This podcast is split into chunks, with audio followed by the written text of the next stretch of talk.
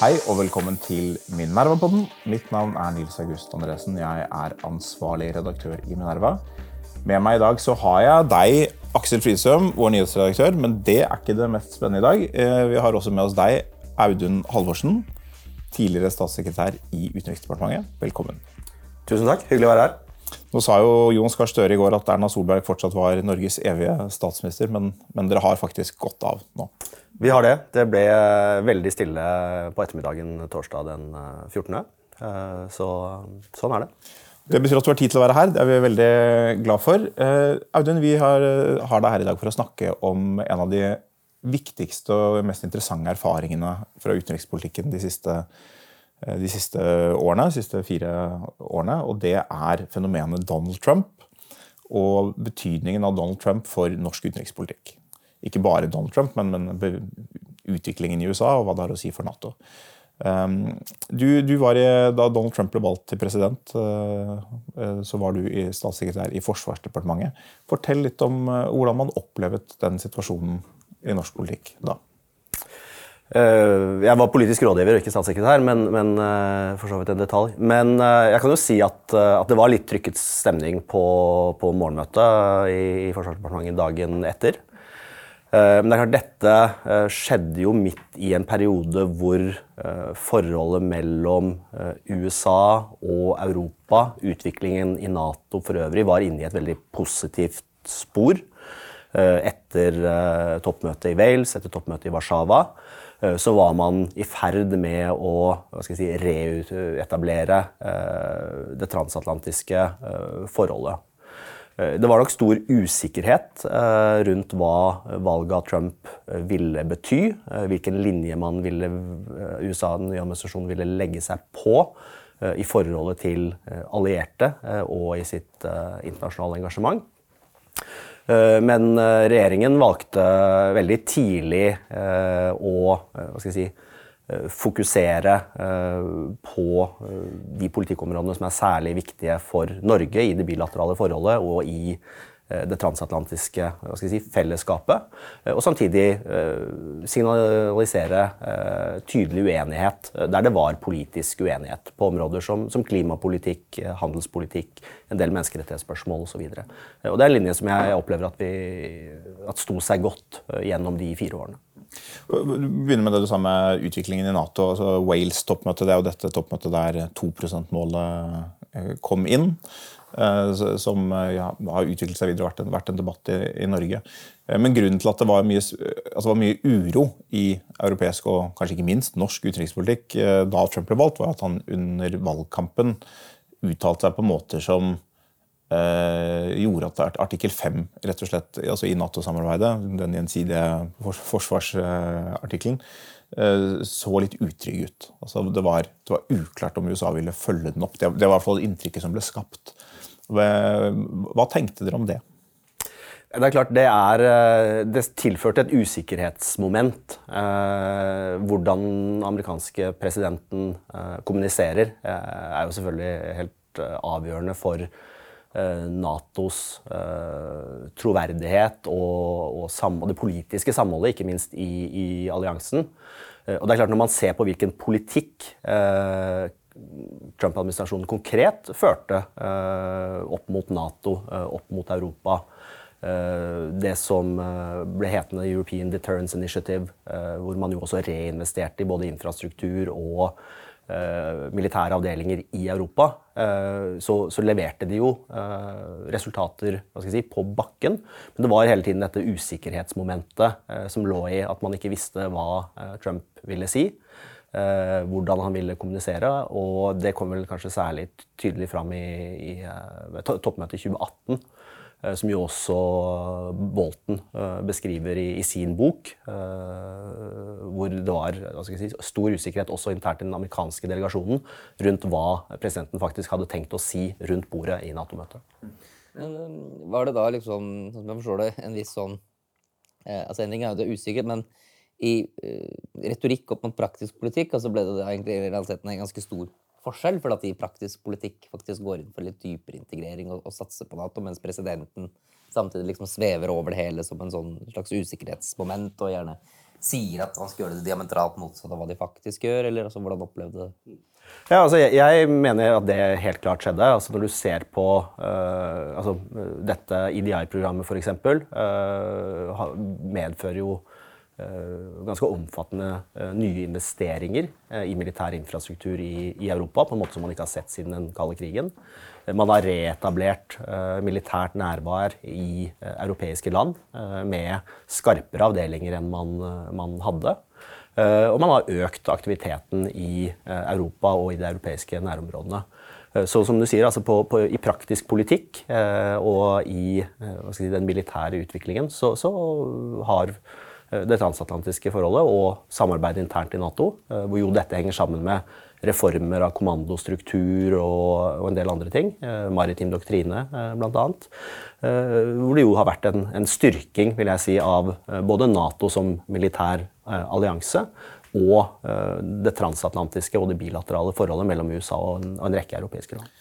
Man, fikk et inntrykk av under Trump-årene at den, den, type uro som, som, vi snakker om nå, når den ble si, fremmet i offentligheten, så var svaret fra, fra myndighetene, dvs. Si fra deg, egentlig, eh, men også fra, fra, folk som er i UD og involvert i utenrikspolitikken, så var svaret ofte at eh, de bilaterale samtalene og eh, samtalene, samtalene, mellom forsvarsministrene og, og sånn var, var, veldig gode og, og sterke og det, det, måtte man jo på en måte kommunisere, men, men, var det en uro under knyttet til denne svevende presidenten, eller opplevde man det nesten bare som en distraksjon?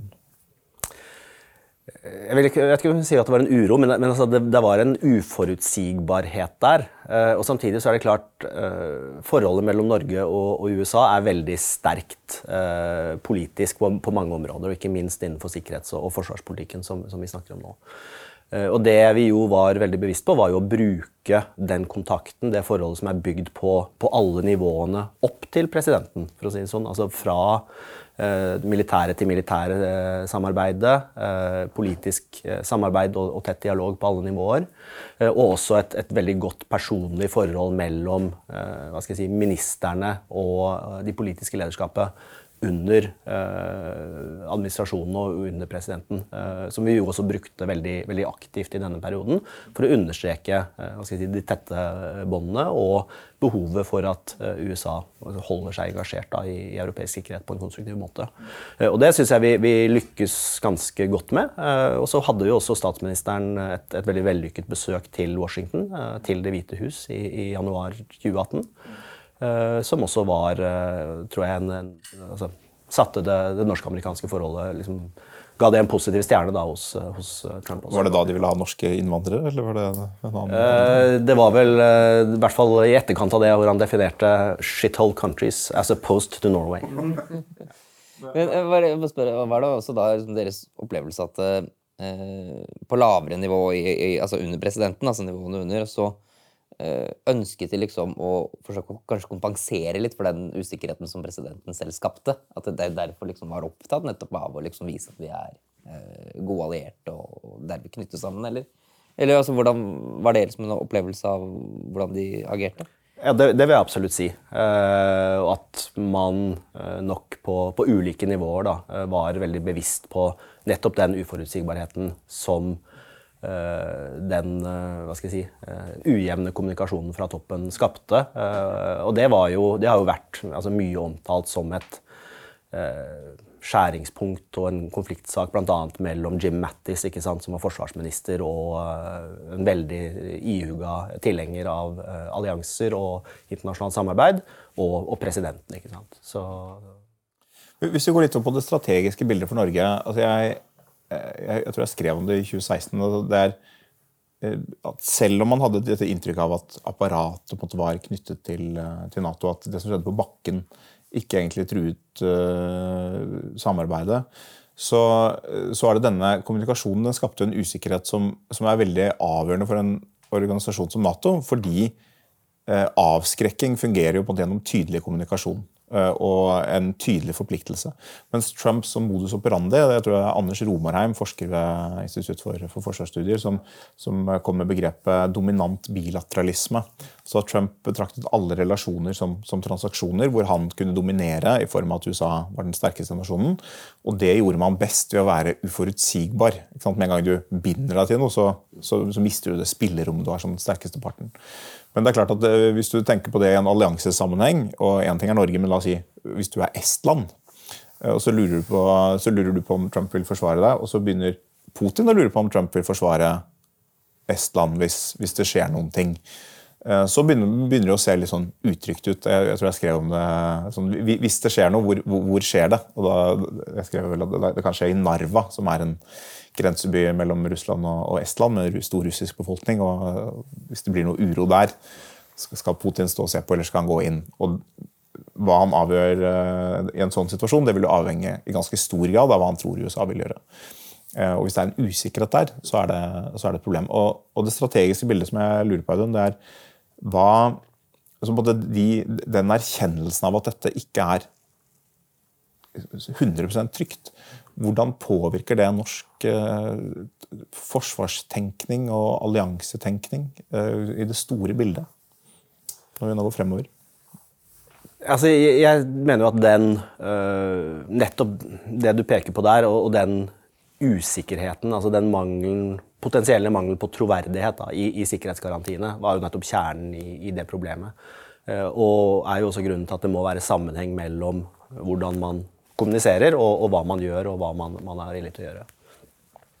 Eh, og samtidig, eh, som jo presidenten sa disse tingene, eller insinuerte disse tingene, så var det jo et veldig tydelig hva skal jeg si, politisk press i USA. Eh, bipartisan enighet i, i Kongressen, hvor man jo eh, altså, vedtok ikke sant, at det var, ville være umulig å, å, trekke seg ut av Nato og osv.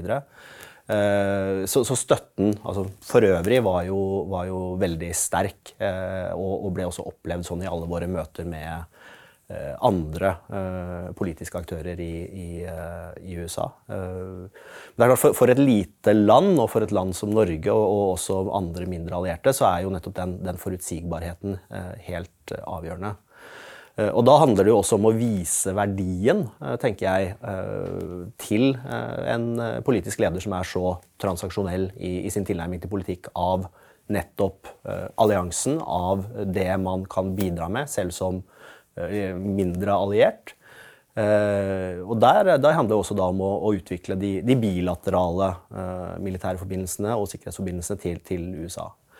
Og Norge er jo der i en, i en si, privilegert stilling, også i, i, det bilaterale. Vi har gjort mange grep nå for å styrke det bilaterale sikkerhets- og forsvarssamarbeidet med USA. Vi har etterretningssamarbeidet, som er veldig viktig. En veldig verdifull kjerne i, i dette. Eh, som gjør også at vi har eh, si, eh, verdi vi kan, vi kan legge på bordet, som vil være viktig av USA, helt uavhengig av hvem som, hvem som styrer. Og Det er klart det er fortrinn som jeg mener at vi bør bruke, og sørge for at de som også da er rundt en president eller en framtidig president, kjenner til, og som da, da gir Norge en, en, tyngde og en, en egenverdi utover kanskje vår størrelse og, og folketall. Bare for å dra det litt videre. Altså jeg husker For, for 15-16 eh, år siden så var jeg, på, var jeg ved Norsk utenrikspolitisk institutt. Eh, og Da var det jo i kjølvannet av Irak-krigen og krigen mot terror, og, og, også i og for seg George Bushs eh, såkalte pivot to Asia, så ble det, ble det startet en debatt som Atlanterhavskomiteen var involvert i, annet, om, om norske sikkerhetstilknytninger. Er USA til å stole på i fremtiden, og eh, er verdifellesskapet så sterkt som det var? Det var spørsmålene da jeg tror Iver Neumann var med i den debatten. og andre ting, og, og noen mente at vi burde liksom knytte oss tettere på, på Tyskland. Og den, eh, den, debatten fislet ut i nesten ingenting, og jeg tror en veldig viktig årsak til det er at USA er Norges plan A, B, C, D og E, fordi i den grad det finnes en plan F, la oss si at det er Tyskland og Frankrike, liksom, så er det så mye svakere og så mye mindre relevant sikkerhetsgaranti at vi ikke ser hvordan vi liksom skal, skal, kunne gå dit. Det, det, vil ikke kunne erstatte det som, som USA gir. Eh, men, men det, faren i det også, Og derfor mener jo også jeg at vi Norge bør gjøre veldig veldig mye for å vise vår relevans for, for alliansen. Men eh, utfordringen ligger jo at det, det er jo til syvende og sist ikke opp til oss om det lykkes. Og, og, og, det vi har sett de siste årene, er jo at denne dreiningen mot Asia den fortsetter jo naturligvis. Det, det jo, ligger jo i de store geopolitiske trendene. Så uavhengig av president så, så vil Europa måtte vektes ned over tid. Så Det er jo det ene. Det andre er de, de store utfordringene i, de, i, det amerikanske samfunnet som Trump-perioden har illustrert, og delvis skapt, men, de var der på, på forhånd. En dyp splittelse. Som kulminerte selvfølgelig i angrepene på Kongressen 6.1, men som på ingen måte er forbi. Og, og hvordan det vil se ut etter valget i 2024 Uh, nesten uavhengig av Trump. Altså det, er, sa, det, det, vet vi ikke. og du, du, sa det at eh, støtten til Nato var veldig veldig sterk i Kongressen, og det har jo vært sant. Samtidig så er det republikanske partiet i veldig stor endring. Uh, og, og det, det, finnes mye man kan si om denne America First-utenrikspolitikken, og noe av den et, er en forståelig reaksjon på, på en amerikansk uh, overinvestering, kanskje, i, deler av verden. Men for Norge så er det en er det på en måte flere ting som kan gå galt. Det ene er om USAs demokrati forvitrer. Eh, og det andre er om, eh, om støtten til Nato i, i, større deler av det amerikanske samfunnet rett og slett eh, blir borte. Er, denne, er det at det ikke finnes noen ordentlig plan B, er det på en måte en hemsko for å tenke på alternativene? Eller hva, hva er alternativene våre?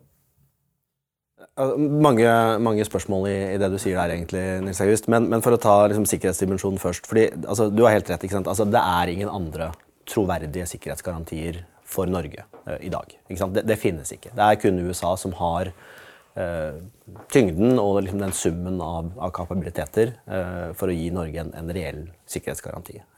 gjennom Nato og også i det, i det bilaterale engasjementet.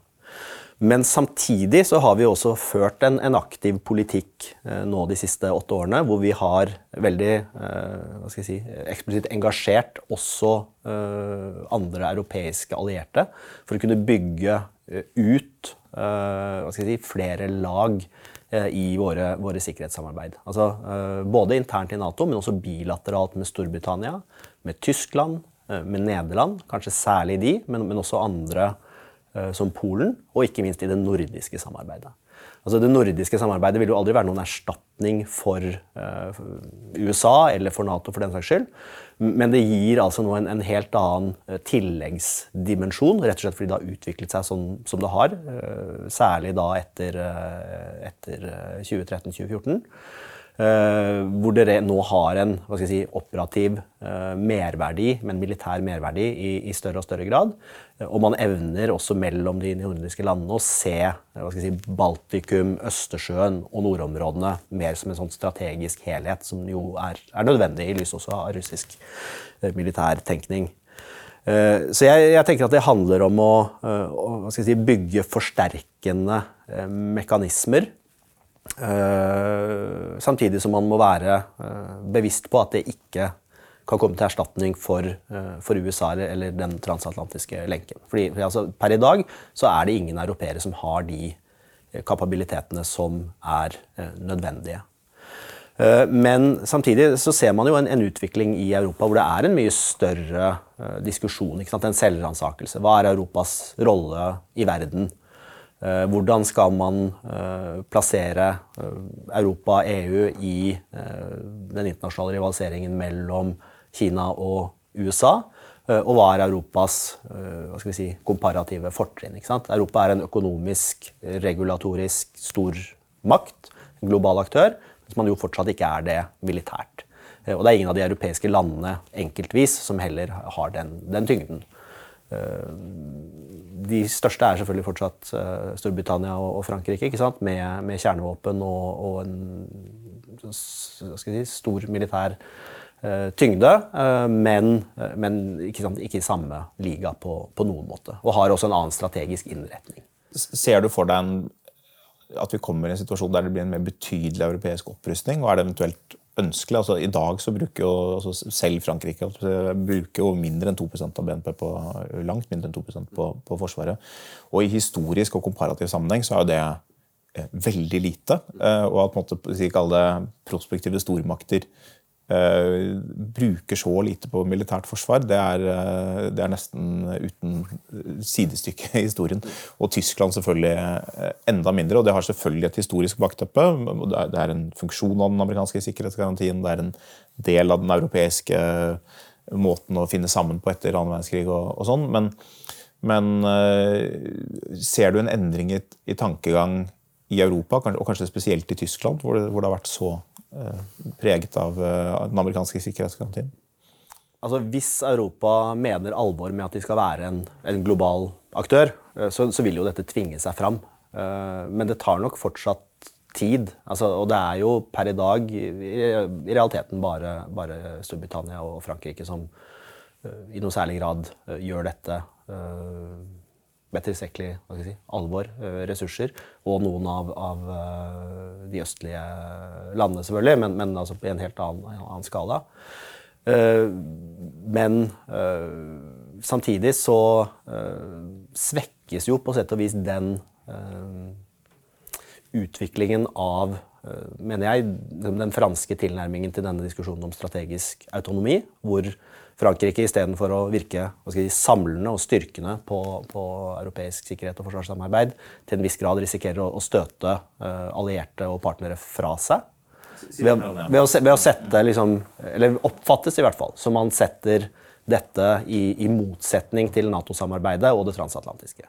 Det er noe som bl.a. jo gjør at uh, østlige EU-land, eh, tunge militære forsvarsaktører aktører som Polen f.eks., jo er, er mer, kanskje mer skeptiske til det europeiske forsvarssamarbeidet enn de burde være, og, kunne, altså, tilføre mindre uh, enn, de, enn, de, kunne gjort.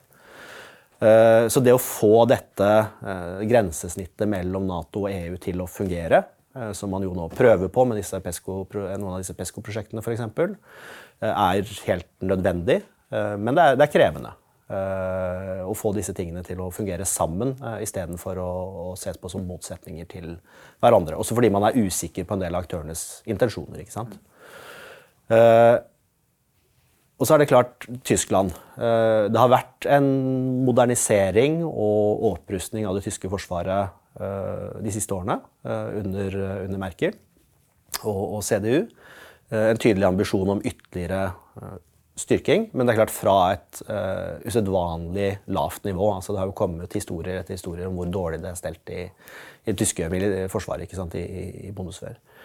Uh, men uh, det er jo i realiteten Tyskland som vil måtte bære dette.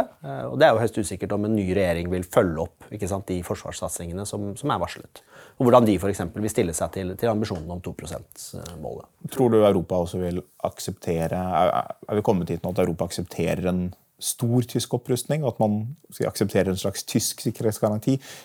En ting er Så, så lenge Nato er der, så er det så har du denne motsetningen. Men la oss si at Nato skulle markant svekkes. Ville Europa være, ville, ville Polen og Tsjekkia og i og for seg Frankrike og Storbritannia være åpne for en tyskledet uh, forsvars... Uh, pakt?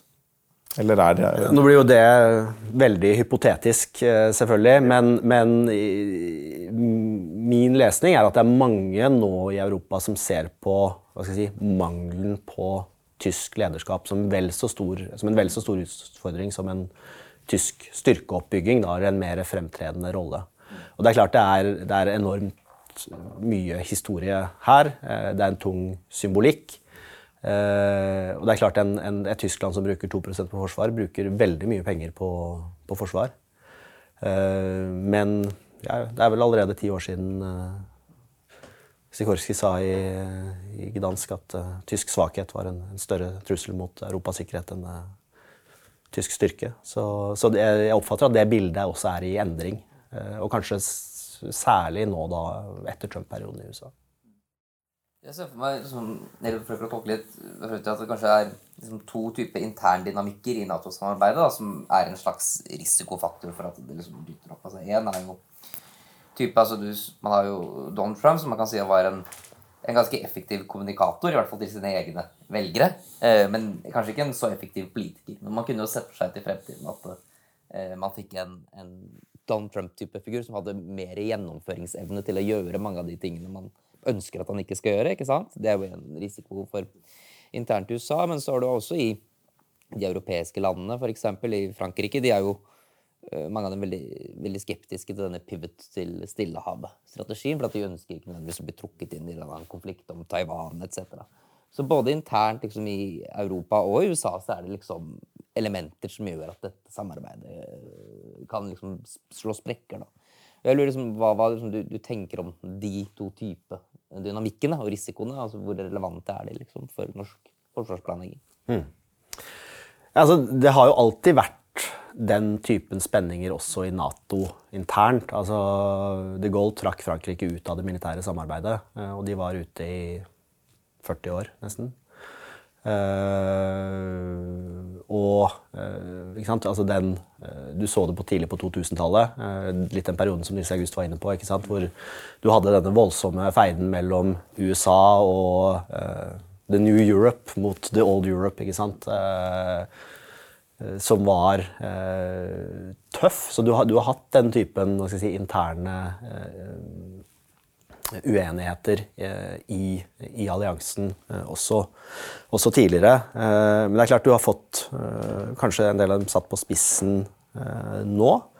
Og det med politisk samhold var jo også litt av driveren bak dette Nato 2030-prosjektet. Med denne, denne, tenkegruppen som jo har levert sin, sin, rapport om hvordan man skal sikre Natos si, politiske identitet og, og sørge for at man, man snakker bedre sammen uh, fremover. Uh, det er en del interessante ting i, i den uh, rapporten. men det er klart Jeg tror jo også at, at i bunnen så ligger jo denne gjensidige avhengigheten og den gjensidige nytten. Og for, USA, unnskyld, for, for, Europa så er det jo helt åpenbart. Det ligger i sikkerhetsgarantien, det ligger i, i det militære i kjernevåpenparaplyen. Som jo har gjort også at Europa sant, i mange tiår har kunnet egentlig underinvestere i sin egen sikkerhet. Eh, og så er det nok, eh, sånn jeg opplever det, en gryende forståelse for at den tiden er eh, forbi. Eh, at man må investere mer. Eh, men at det nå er eh, si, større usikkerhet i hvordan det kan gjøres da, i, i kampen om ressursene med andre prioriterte politikkområder. Uh, og det er jo ikke noe, ikke noe ønske om å bruke veldig mye mer penger på, på forsvar og sikkerhet i, i, noen europeiske land, tror jeg. Uh, men uh, igjen, jeg tror dette er noe som vil, vil, tvinge seg fram. Og så er jo spørsmålet hvordan man gjør det. ikke sant? Skal man gjøre dette effektivt, så burde, det i mye større grad skje med europeisk koordinering gjennom EU-mekanismer. Eh, og man tar små skritt den veien, men, men, det er fortsatt enormt mye som gjenstår. ikke sant? Og man har snakket om, uh, om dette i tiår uh, på europeisk nivå uten egentlig å lykkes.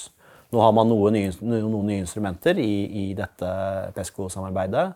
I EDF, altså European Defence Fund, altså som skal jo nettopp bygge opp forsvarsteknologi og, og forsvarsindustri i, i Europa. Men, men uh, spørsmålet er om, om, det er nok. Altså, det, er, det er, små skritt i riktig retning, men, men uh, mye, mye, gjenstår. Uh, men det, det, betyr også at tror jeg, Europa må i, i større grad bevise sin, sin relevans da, for USA også. Helt kort, sånn, Grunnlaget for Nato er selvfølgelig trusselen fra, fra Sovjetunionen. og den, den, er jo ikke hva den var, men Russland er samtidig en, en veldig tydelig eh, si militær aktør i Europa, tydeligere enn den var før. Eller for, for, for 10-15 år siden. Så, så denne relevansen er der. Men eh, når vi snakker om den europeiske strategiske autonomi eh, knyttet opp mot rivaliseringen mellom USA og Kina, så er det også et spørsmål hvor, hvordan Europa skal tenke rundt Kina. Det er klart at det er ikke sikkert man ønsker å bli trukket inn i en krig mot Taiwan. Men spesielt hvis man står ganske splittet og, militært svakt, så vil man også være lett, veldig lett kunne spilles ut av Kina. Eh, Kina er flinke til litt som russerne, er flinke til splitt og hersk. Eh, de innfører sanksjoner mot, mot Norge. Har jo, eller, Norge har vært i fryseboksen, og andre land har havnet i fryseboksen uten at si, Vesten samlet seg til en respons.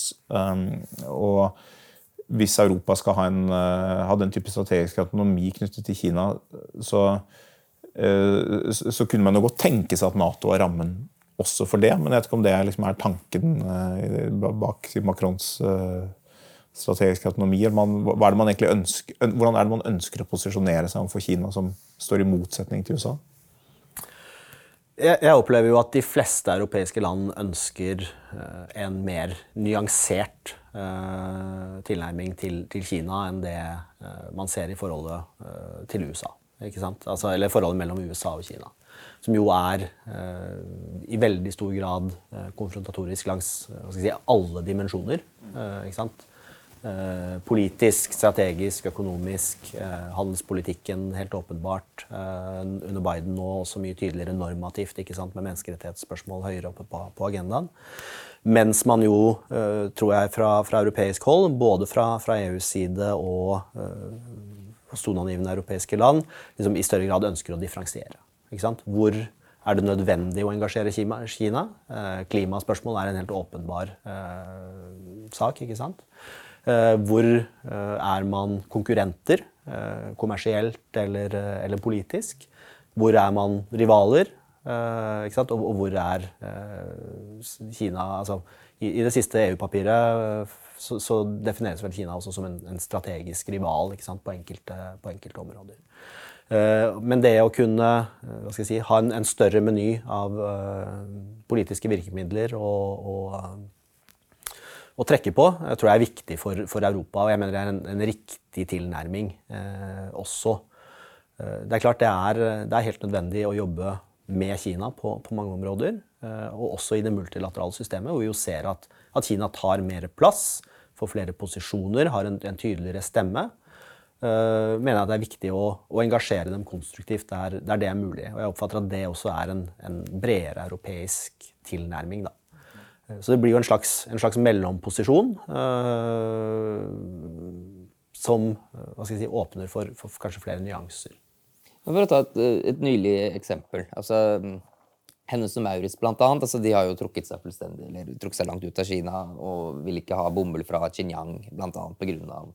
Disse dokumentasjonene og anklagene om hva slags type straffarbeidere og sånn som, som er der. Eh, og i, i kjølvannet av, av, dette, at Tennis Maurits er, er, ute, så har jo også da nå fotballklubben Barcelona, som de skulle hatt et draktsamarbeid med Hennes Maurits og Barcelona.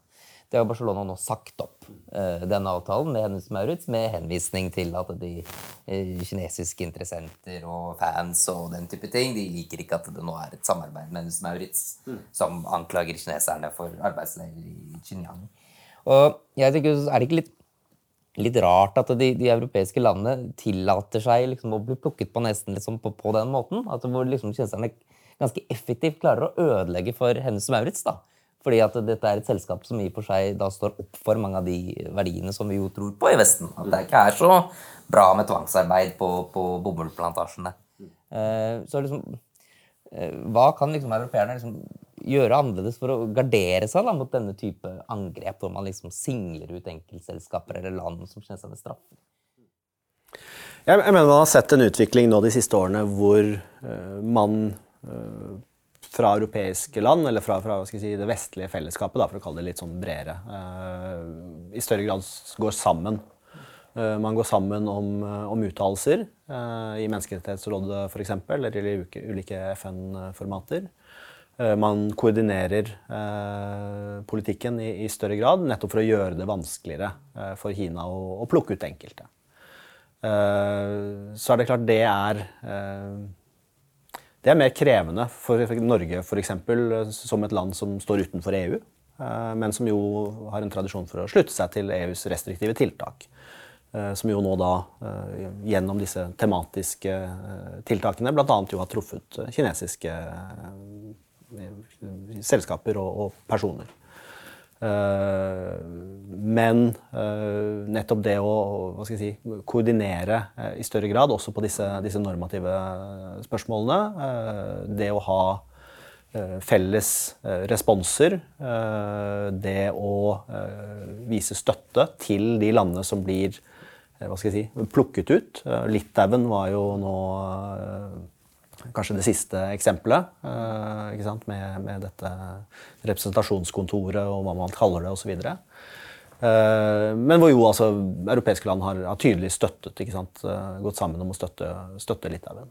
Jeg mener det, det, er viktig og det er, det er nødvendig for å, for å kunne si, vise et, et, samhold.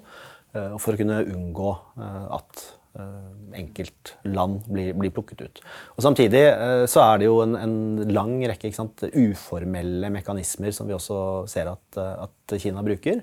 Uh, Henne som Maurits-eksempelet, hvor, hvor det er bare markedsmakten som ligger i, i en milliard uh, forbrukere, er, er, enorm. så det er, det er, en lang rekke si, andre mer diskré virkemidler som vi også ser at de bruker mot vestlige selskaper og, og vestlige land. Det er, jo, altså det, det er litt av et interessant eksempel med nettopp denne si, en europeisk sånn tilbakeholdenhet eller manglende evne til kraftfulle tiltak. og Ikke det, at, eh, ikke det at det alltid er riktig med kraftfulle tiltak, som jo kan eskalere en situasjon, men, men det viser noe av utfordringen med et mer sånn fragmentert politisk bilde. Hvor uh, En effektiv respons, hva vil det være hvis Kina har sanksjoner mot et europeisk land? Jo, det vil være å, si, liksom, å, å ha en felles eh, tilsvarende respons tilbake. La oss si vi, vi innfører toll, eller vi, vi, slutter med handel, eller vi, liksom, vi, sender hjem ambassadørene. Vi gjør et eller annet sånn storstilt. Eh, og det, det, er mange grunner til at det ikke er klokt eh, å eskalere en sånn situasjon, men det virker også av og til kanskje som vi ikke har verken evne eller vilje til å bruke den type virkemidler. Eh, nettopp fordi det, det, er alltid noe politisk uenighet mellom landene. Noen land syns det var dumt av Litauen å, å gjøre noe med Taiwan. Noen, noen, har noen interesser, økonomiske interesser som de ikke kan gi slipp på. Eh, er vi, er vi, i stand til å respondere strategisk i det hele tatt på, på den type utfordringer? Eh, ikke i stor nok grad per i dag, eh, opplever jeg kanskje. Hvis man ser på Europa som, et, eh, som en helhet, eller, eh, eller eh, liksom det likesinnede det fellesskapet. Men jeg opplever at det blir mer av det.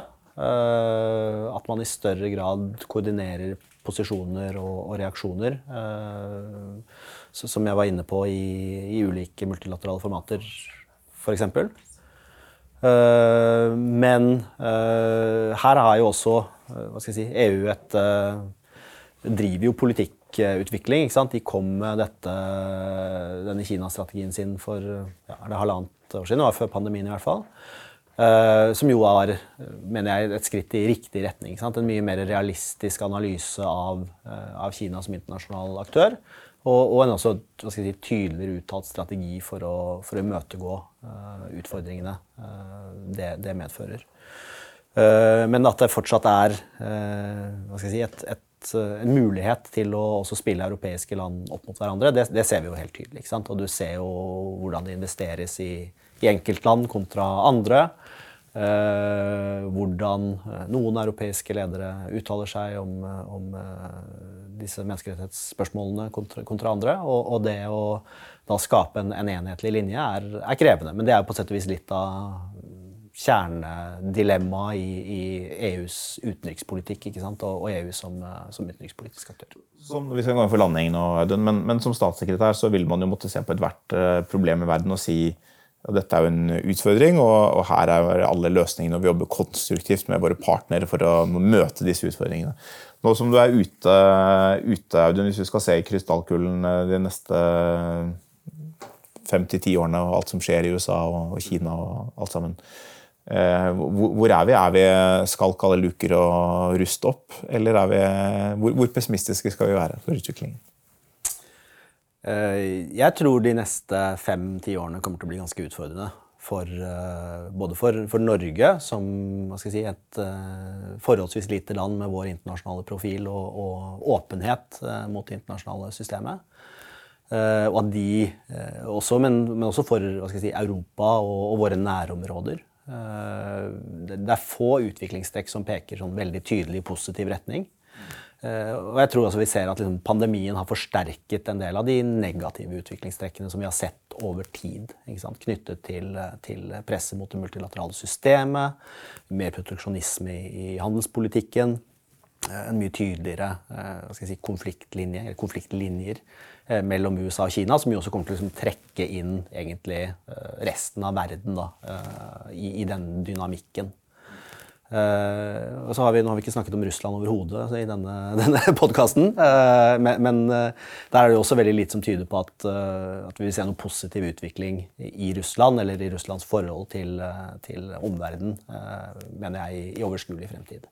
så, så tror jeg ikke at det å skalke lukene er, er riktig strategi. Men at Norge må, må si, bygge sterke sikkerhetspolitiske og, og verdimessige fellesskap. Fortsette å være en, en konstruktiv og, og god alliert. Og så mener jeg også at vi trenger et, en, en, ny diskusjon om, om vårt forhold til, til Europa og, og EU-medlemskap, som jeg mener er noe som, som, bør tvinge seg fram egentlig av, av sikkerhetspolitiske og geopolitiske årsaker. Bygg allianser, rust opp. Takk for, at du, takk for at du kom, Audun Halvorsen.